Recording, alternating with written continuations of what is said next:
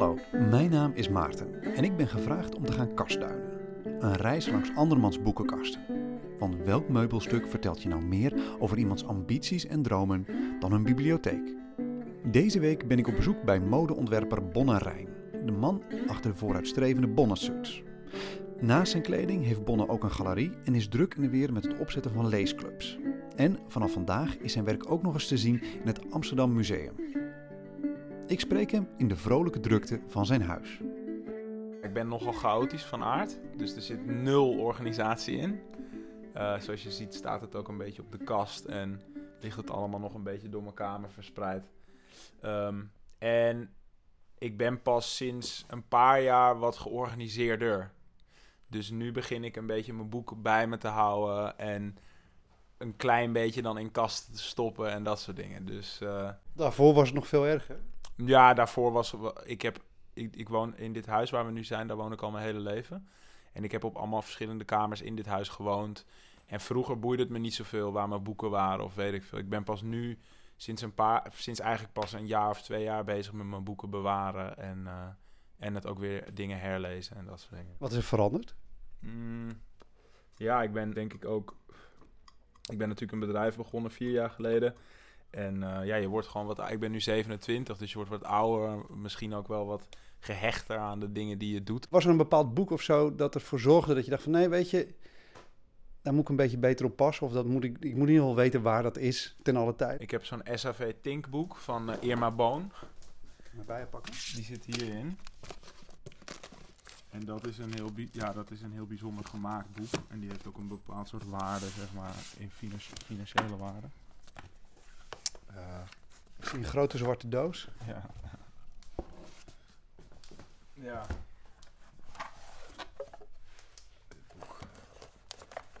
Dat is best een gek ding. ja. Normaal zeg je vuistdik, maar dit is twee vuisten dik ongeveer. En wat is het? Het is heel bijzonder vormgegeven. Het is, de SAV is een, uh, is een besloten aandelenmaatschappij. En dit was een boek dat ze hebben uitgegeven voor al hun aandeelhouders. En ja, dat wordt, dat wordt als museaal gezien. En uh, mijn opa had er een. En die heb ik toen uit zijn boekenkast gehaald. Omdat ik zelf heel erg fan ben van Irma Boon. Ja. Wat zit hier nou in dat, zo, dat het zo de moeite waard maakt om voor jou te behouden dan? Behalve dat het er inderdaad heel wonderlijk uitziet. Maar, maar zit hier nog iets in? Of was het alleen maar een gedachte? Nee, het was alleen de gedachte. Ik, ben, ik verzamel zelf een beetje kunst. Dus beneden had je misschien al, heb je al die werkjes gezien die op de grond staan. En ik heb zelf best wel veel werk wat ik verzamel van kunstenaars. En ik zie dit gewoon als een kunstwerk dat ik ook in mijn collectie wil hebben, zeg maar. En qua boeken met een bepaalde, met, met speciale inhoud is voor mij dan uh, heb je Michel Wellebeck, mogelijkheid, mogelijkheid van een eiland. Ik weet niet waar dat. Ik kan hem nu niet zo 1, 2, 3 terugvinden. Maar die, uh, die zweeft ook ergens rond. Dat is een heel bijzonder, heel belangrijk boek voor mij geweest. En de eerste keer dat ik echt gepakken werd uh, door een boek of een boekenreeks was Duin van Frank Herbert. Uh, June, als uh, June. voor mensen die misschien de film van, van David Lynch was dat David Lynch, ja. ja de, nog, waarom en, dat? Wat sprak eraan? Dat is de eerste keer dat ik me echt herinner dat ik las en ook echt het lezen om het lezen. Dat je niet meer kan stoppen en dat je door wil gaan, dat je delen wil kopen, weet je wel. Dat je je helemaal verplaatst in zo'n heel universum, weet je wel. Um, en het is natuurlijk een science fiction boek wat in uh, de wat, wat heel vaak uh, ook een beetje niet serieus wordt genomen. Maar het is voor die, ik las het volgens mij voor de eerste keer op mijn elfde of op mijn twaalfde. En het gaat ook over, in het begin is het een elf, twaalfjarige jongen. Um, en ja, dat sprak me toen zo erg aan. Ook de psychologie die in dat boek zit. En dat heeft me echt heel erg geïnspireerd. Ook hoe ik contact heb met mensen. En, Hoezo? Kan je, kan je even het boek kort samenvatten? En ik ben heel benieuwd dan hoe het jou heeft beïnvloed. Nou, het gaat dus om een, uh, een adellijke familie die recht heeft om bruikleen te hebben van een planeet waar een bepaald soort stof in de duinen zit die onmisbaar is voor, voor het heelal, omdat daarmee kunnen mensen door het heelal navigeren. En de zoon van de man die, die dan aan de troon zit, zeg maar, om, die dan recht heeft op, de, op die planeet, die is door een soort kweekritueel van 30.000 jaar lang een soort supermens geworden. En kan op die manier die planeet temmen, want die planeet is eigenlijk ontembaar. En hij is een soort messias voor die mensen die, in die op die planeet leven. En wat ik heel tof vind is dat je hebt bepaalde sectes in het heelal. En die hebben heel veel invloed op de mensen die in het heelal leven. En die doen via, via dus uh, breeding, hoe zeg je dat? Uh, via kwe mensen kweken eigenlijk. Uh, proberen zij um, invloed te hebben op, op de loop der dingen, zeg maar. En, en ja, er, zitten heel veel dialogen in, waarbij je eerst een gesprek hebt, maar daarna worden ook de gedachten van de mensen die zij tijdens dat gesprek heb, hebben, wordt, wordt ook beschreven. En dat was voor. Kijk, nu, als je het nu leest, is het wel een beetje een tienerboek, zeg maar. Ik, ik lees het nog. Ik heb het laatst weer helemaal herlezen en ik doe dat echt met de grootste plezier. Maar um, ja, het is zo fijn. Ik vond het toen zo fijn om eigenlijk geholpen te Want je hebt natuurlijk in je dagelijks leven ook gesprekken en ga, ga je connecties aan met mensen. En voor mij was toen dat boek had ik echt houvast van, oh ja, hoe zou Paul dat doen, weet je wel, in die situatie. Paul, Paul Muad'Dib. ja. Uh, Star Wars zie ik er ook uh, redelijk ja. veel titels tussen. Ja. Ben je een fan? Ik ben een ongelofelijke Star Wars fan, ja, tuurlijk. Nog steeds? Ja, nog steeds, ja. ja. Uh, waar was het, is het, is het, wanneer is dat begonnen voor jou? Ook uh, ja, Star Wars echt op mijn vijfde of op mijn zesde. Keek ik die, keek die films elke dag, denk ik wel. Ja. En dan besluit je, daar moet ik ook over gaan lezen. Wanneer begon dat? Het lezen nee, Dat is ook verzamelen. Dus dat is, meer, dat is meer voor de grap verzamelen. Ik vind gewoon die... Bijvoorbeeld, ik heb ook zo'n heel dom Star Wars Lego boek. Hier, deze, de Ultimate Lego Star Wars. uh, ja, dat vind ik gewoon... Uh, dit, dit is meer gewoon omdat ik dat... Ik, ik verzamel dat gewoon. Al dat soort onzin. En waar moet het verzameld worden? Om het gewoon te hebben? Of ja, de laatste tijd ben ik dus veel meer gehecht aan mijn spullen. En dat komt denk ik door mijn kunstcollectie, dat ik die aan het opbouwen ben. En daarin dan ook de connecties met kunstenaars. En um, dat heb ik dan ook nog met een beetje soort gekke, kietserige dingen als van die Star Wars boeken. Of ja, hier heb ik dan... Ik ben veel in Japan voor mijn werk en dan koop ik zo'n Japan seksboekje of zo, weet je wel. Dat vind ik ook te gek. Gewoon omdat zo'n boek, uh, zoiets, en net als kunst, is natuurlijk super tastbaar. Wat zit er in die seksboekjes? Want je had er nu, ik zie daar Volgens mij is het de, is de bekende Japanse obsessie met tienermeisjes. En... Ja, gewoon. Het is gewoon pikkelharde, domme seks. ja. Waarom zijn die streepjes voor de... Ik zie daar, daar zitten allerlei... Ja, dat is heel weird. Het is allemaal een soort mega gecensureerd, ja. Tegelijk Terwijl het wel echt heel grof is. Het is ontzettend grof. ja. Ja. Wat ik me afvraag als ik dit zo zie... Want ik heb wel eens van... Het, het schijnt ook dat dit gewoon vrij openlijk op de, in de metro bijvoorbeeld wordt. Te gek. Ja, de, helemaal. Dus als je in de metro zit, dan zitten er gewoon vier kinderen naast. En dan zit er in het midden zit zo'n man zit zo'n boekje te lezen. Ja, ja dat is uh, absurd, is dat, ja. En, en wat, wat is... Kijk, het, ik, je gaat er toch vanuit dat het is om lust op te wekken. Maar hoe, dat lijkt nogal raar om dat nee, midden in die metro te ik denk wat, wat is de bedoeling van In Japan is het niet om de lust op te wekken. Ik denk dat het in Japan eerder is om de lust ook een beetje in het gareel te houden. Ja. Leg eens uit. Nou, daar, je hebt daar natuurlijk vrij veel, veel perversiteit, omdat ze zo'n ontzettende, toch een ingehouden, ingetogen cultuur hebben, waarbij je vooral niet um, jezelf voor paal moet zetten. Terwijl natuurlijk bijvoorbeeld seksualiteit is iets waarbij je jezelf heel erg moet laten gaan. En, en ook als je bijvoorbeeld een meisje wil versieren, dan moet je wel het achterste van je tong laten zien natuurlijk, letterlijk en figuurlijk. en, uh, um, um, uh, dat, dat, dat gaat helemaal niet op in die, in die cultuur. Ook als je... Ik heb daar ook gedj'd en uh, ik ben veel in clubs geweest daar. En er, is, er heerst helemaal geen seks bijvoorbeeld in een club. Ja, het is zo'n ingetogen cultuur, maar dan seks en dingen, dat zit, is dan in boekjes of in fotocampagnes, weet je wel. En ja, het is altijd een beetje zo op zo'n onbereikbare manier of zo. En uh, wat, die, die, um, dus zo'n boekje is dus eigenlijk een soort dat is, een soort, is dat een soort logische doortrekking dan van dat, wat je beschrijft bij June en in Lord of the Rings? Hè, een soort echt verdwijnen in iets anders, zodat je niet in het hier hoeft te zijn, dus niet in je lijf hoeft te zijn. Dit, dit, dat seksboekje, dat, uh, dat... Niet voor jou natuurlijk, hè? Nee, maar die, die heb ik bijna nooit opengeslagen, maar ik heb ook van die, ik heb ook van die ramen magazines, dat vind ik ook te gek. Hier deze. Dan, uh, of dit zijn modetijdschriften, denk ik. Oh ja, dit, is, dit vind ik ook zo dit zijn dan ramen magazines en die hebben dan Voor de goede orde, dat zijn dus de Japanse noedels. Uh, eh, soepen. ja. Ja. Ik vind het gewoon al te gek om hier... En, en leg even uit waar ik naar kijk, want zelfs... Ik, ik- Ja, het is... eh, Japanners zijn natuurlijk helemaal gek van productfotografie. Dit is een soepglossy. En dit is een soepglossy, ja. ja. En ik had er ook eentje gevonden, dat is zo dom, die wou ik dus voor mijn vriendin kopen. Ik had er eentje gevonden die alleen maar eieren had. Gewoon alleen maar elke manier van eieren eh, bereiden, dat was in dat boek gefotografeerd. Maar die heb ik toen laten liggen, omdat ik dacht, ik kom die wel in een andere 7-Eleven tegen. En toen kon ik hem nergens vinden. Maar daar, ben ik, dat vond ik, die, daar baal ik echt van. Kan je je voorstellen dat je voor, gewoon het, voor Eiermagazine werkt? Ja, ja, dat lijkt me echt fantastisch. Maar dit is, Elke maand weer samenkomen met de redactie. Jongens, hoe gaan we dit keer Ei doen? nu weer laten zien, ja.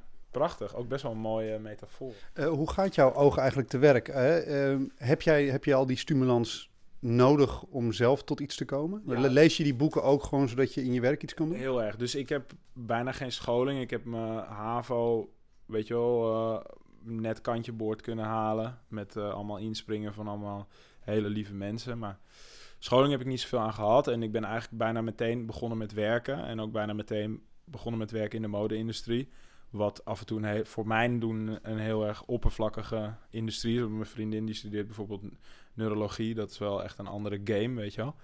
En eh, ik wil gewoon proberen mezelf heel erg. Ik, wil, ik ben iemand die zich heel graag intellectueel uitdaagt. En dat vind ik heerlijk om via boeken te doen. En daardoor denk ik ook dat ik.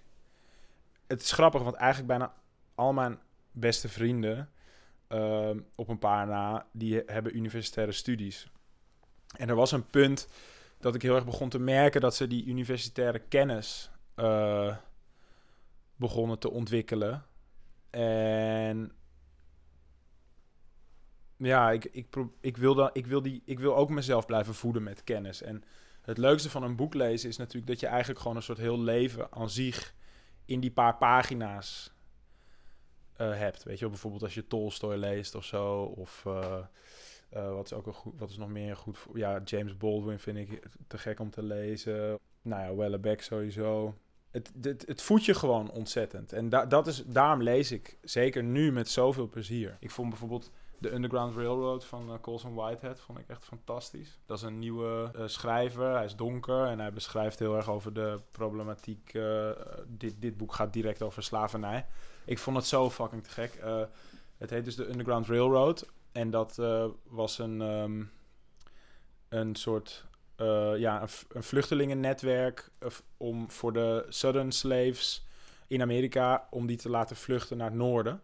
En dat heeft echt bestaan. Maar wat hij doet, ehm, is hij maakt van de Underground Railroad, dat was namelijk een soort eh, metaforische underground naam. Maar hij schetst in het boek dat het een echte trein is die onder het zuiden gaat naar het noorden. En nou, verder schrijft, beschrijft hij die situaties op die plantages in detail. En dan, eh, als je dat zo leest, en ik heb ook 12 Years a Slave heb ik ook gelezen, en daarin, ja, het is bijna onwerkelijk, weet je wel, wat mensen elkaar aandoen. Ehm, maar wat zo vet is, is dat hij die onwerkelijkheden, die e- allemaal echt zijn gebeurd, eh, afwisselt met zo'n treinenstelsel, wat niet echt is gebeurd. Maar wat wel misschien logischer was geweest om te maken, ten tegenstelling van al die gruweldaden die die witte mensen eh, zwarte aandeden. En dat vond ik zo mooi om, de, om die, die, ehm, ja, dat, die tegenstelling te lezen. Eh, weet ik veel, Little Life staat daar natuurlijk ook tussen. Die heb ik gelezen. Ik vond het echt een verschrikkelijk boek. Vond ik, echt, eh, heel, ik vond het ook een heel slecht boek. Van Haya, nou dan mag jij lekker uit. Hanya Yani Gihara. Ja, dit is echt zo de, de bestseller van vorig jaar, volgens mij. Echt helemaal, was helemaal, eh, ja, eh, heel erg lovend over geschreven. Maar ik vond het heel erg slecht en heel erg tegengevallen eigenlijk. Waarom? Het is ook een heel luguber boek. Het gaat over een jongen die eh, in zijn jeugd zwaar is mishandeld. Maar als lezer weet je niet wat dat is. Dat wordt ook per hoofdstuk wordt dat afgewisseld. Kom je steeds meer achter die gruweldaden die zijn gebeurd. En dat is bijna ja, ook onwerkelijk gruwel. En dan daarnaast leeft hij een soort super succesvol leven met al zijn vrienden die ook allemaal heel succesvol zijn. Maar dat trauma blijft heel erg onderdeel van zijn leven.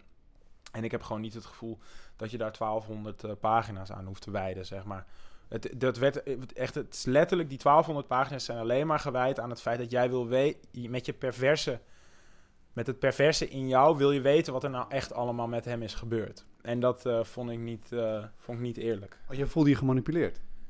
Ja, een beetje gemanipuleerd, ja. Maar dat, het, was echt, het is echt zo'n eh, geschreven om een bestseller te zijn. Zijn er nou boeken die ook voor jou... Nee, die voor jouw eigen esthetiek belangrijk zijn geweest? Zijn er boeken Ja. nou waarbij je kan zeggen van... Nou, dat, Ja. die kan je bijna terugzien in mijn pakken? Ja, dus, en dat is niet op esthetisch niveau, maar ehm, absoluut eh, mijn visie komt uit het boek eh, Mogelijkheid van een eiland van Wellebeck. Omdat dat gaat natuurlijk sowieso eigenlijk hele, heel Wellebeck's oeuvre gaat heel erg over zijn aversie tegen eh, individualisme. En toen ik Mogelijkheid van een eiland las op mijn twintigste werd ik zo bang eigenlijk voor wat ik om me heen zag. Want dat wordt steeds erger, dat doorgeslagen individualisme bij mensen. Ik denk aan social media en eh, hoe mensen zichzelf eigenlijk vanaf geboorte al bijna marketen. Ehm, dat ik zelf een bedrijf wou opzetten waarbij ik alles samen met mensen deed. En nou, naast, mijn, naast heb ik ook een galerie, dat heet Galerie de Schans. En dat doe ik hier in de woonkamer. Ehm, en ik heb eigenlijk altijd met mensen willen samenwerken. En ehm, ja, ja, dingen samen te doen of zo. En dat, dat, ik weet nog heel erg dat ik dat toen las. Dat ik echt dacht, oké, ja, zo wil ik het zelf gaan aanpakken. En absoluut niet op de manier hoe hij de mensheid beschrijft. Ja, Want kan je dat boek in die zin... Kun je dat heel kort samenvatten en hoe dat relateert tot jouw visie? ja het, gaat, het gaat om een comedian. ehm, en zijn kloon 25 generaties in de toekomst. Ehm, en die comedian, ehm, ja, wat ik dus zo te gek vind, hij, hij is de meest banaalste comedian die je maar kan bedenken. Weet je, bijvoorbeeld titels als Zuiga maar Gaza-strook en dat soort theaterstukken, weet je wel. En ehm, nou, hij heeft heel veel succes, maar hij is heel erg ongelukkig. En in zijn zoektocht komt hij, wordt hij onderdeel van een secte. En die secte vindt het dus uit hoe je mensen kan klonen en eigenlijk het eeuwige leven schenkt. En elk hoofdstuk wordt afgewisseld met aantekeningen van zijn kloon. Omdat het, de enige, de, het enige eh, doel van het leven van mensen is... bij die clones is dus het enige doel om aantekeningen te maken over hun eerste leven... om dat weer door te geven aan de volgende kloon. Ehm, en dat deed me zo erg denken aan het internet en eh, aan de... Ja, onechte manier hoe mensen op het internet met elkaar in contact staan. Dat alles wat ik wou doen, ehm, wat heel erg met mensen is en mensen met elkaar in contact brengen, dat, dat, dat wil ik heel erg echt doen. Zeg maar. Dus dat wil ik graag. Met kunst doe ik dat in mijn woonkamer. Dus ik heb een galerie in mijn woonkamer.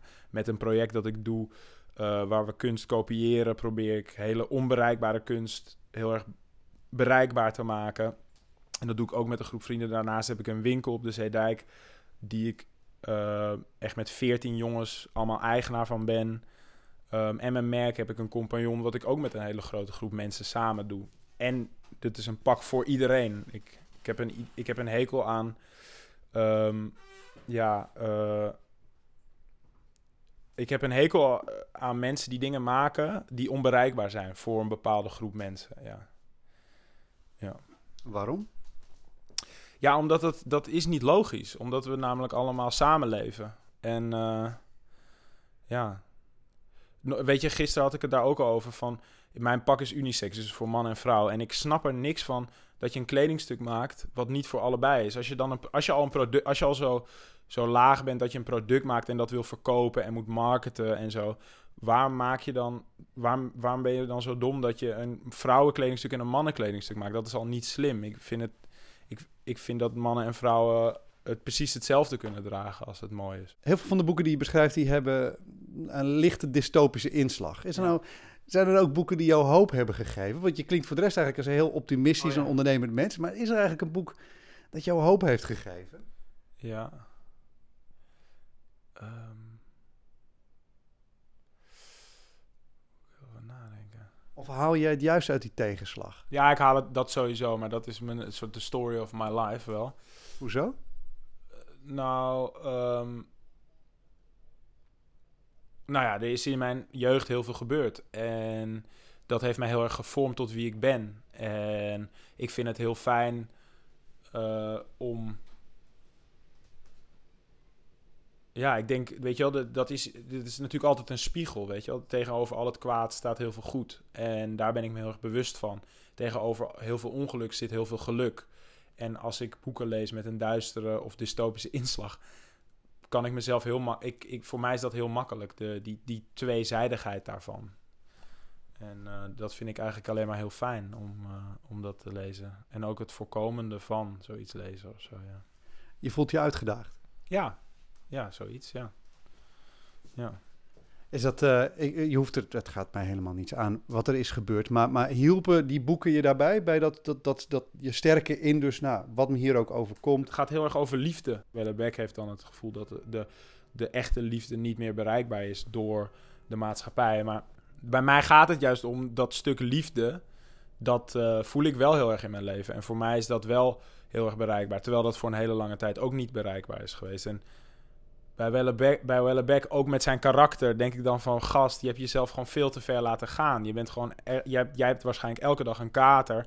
en daardoor ben jij ongelukkig en daarom schrijf jij deze dingen. Maar wat hij zegt is natuurlijk niet waar. Als je vecht voor liefde en als je je best doet voor bepaalde dingen... heeft dat resultaat. Ik bedoel, tuurlijk kan je morgen een diagnose krijgen... met dat je een enge ziekte hebt of zo, weet je wel. Maar het is gewoon een. Het is net zo'n feit als dat dat soort dingen gebeuren in het leven is. Dat als je gewoon je best voor iets doet. Uh, dat daar ook positieve resultaten uitkomen. En dat vind ik altijd wel. Dat vind ik fijn om uit boeken te halen. Ik vind het zo wonderlijk dat ik naast iemand sta die om Michel Welbeck te weer spreken pakken is gaan maken. Ja, ja. Ja, ja. Die de fashion is Iemand die in de fashion is ingegaan door Michel Welbeck, ja. Ik denk dat hij me zou uitlachen. Dat weet ik wel zeker. Ik denk dat hij ontzettend gevleid zou zijn. ik hoop het, ik hoop het. Dit was de zevende aflevering van Kastduinen. Kastduinen is onderdeel van de Slaakast, een podcast gemaakt in opdracht van de Stichting Literaire Activiteiten Amsterdam. Abonneer je voor meer verhalen, gesprekken en avonturen in literatuur. Je kan ons vinden in onder andere de iTunes Store en op Stitcher. Zoek op Slaakast, S-L-A-A-C-A-S-T en klik op abonneer. Goed, dat was het. Tot de volgende keer.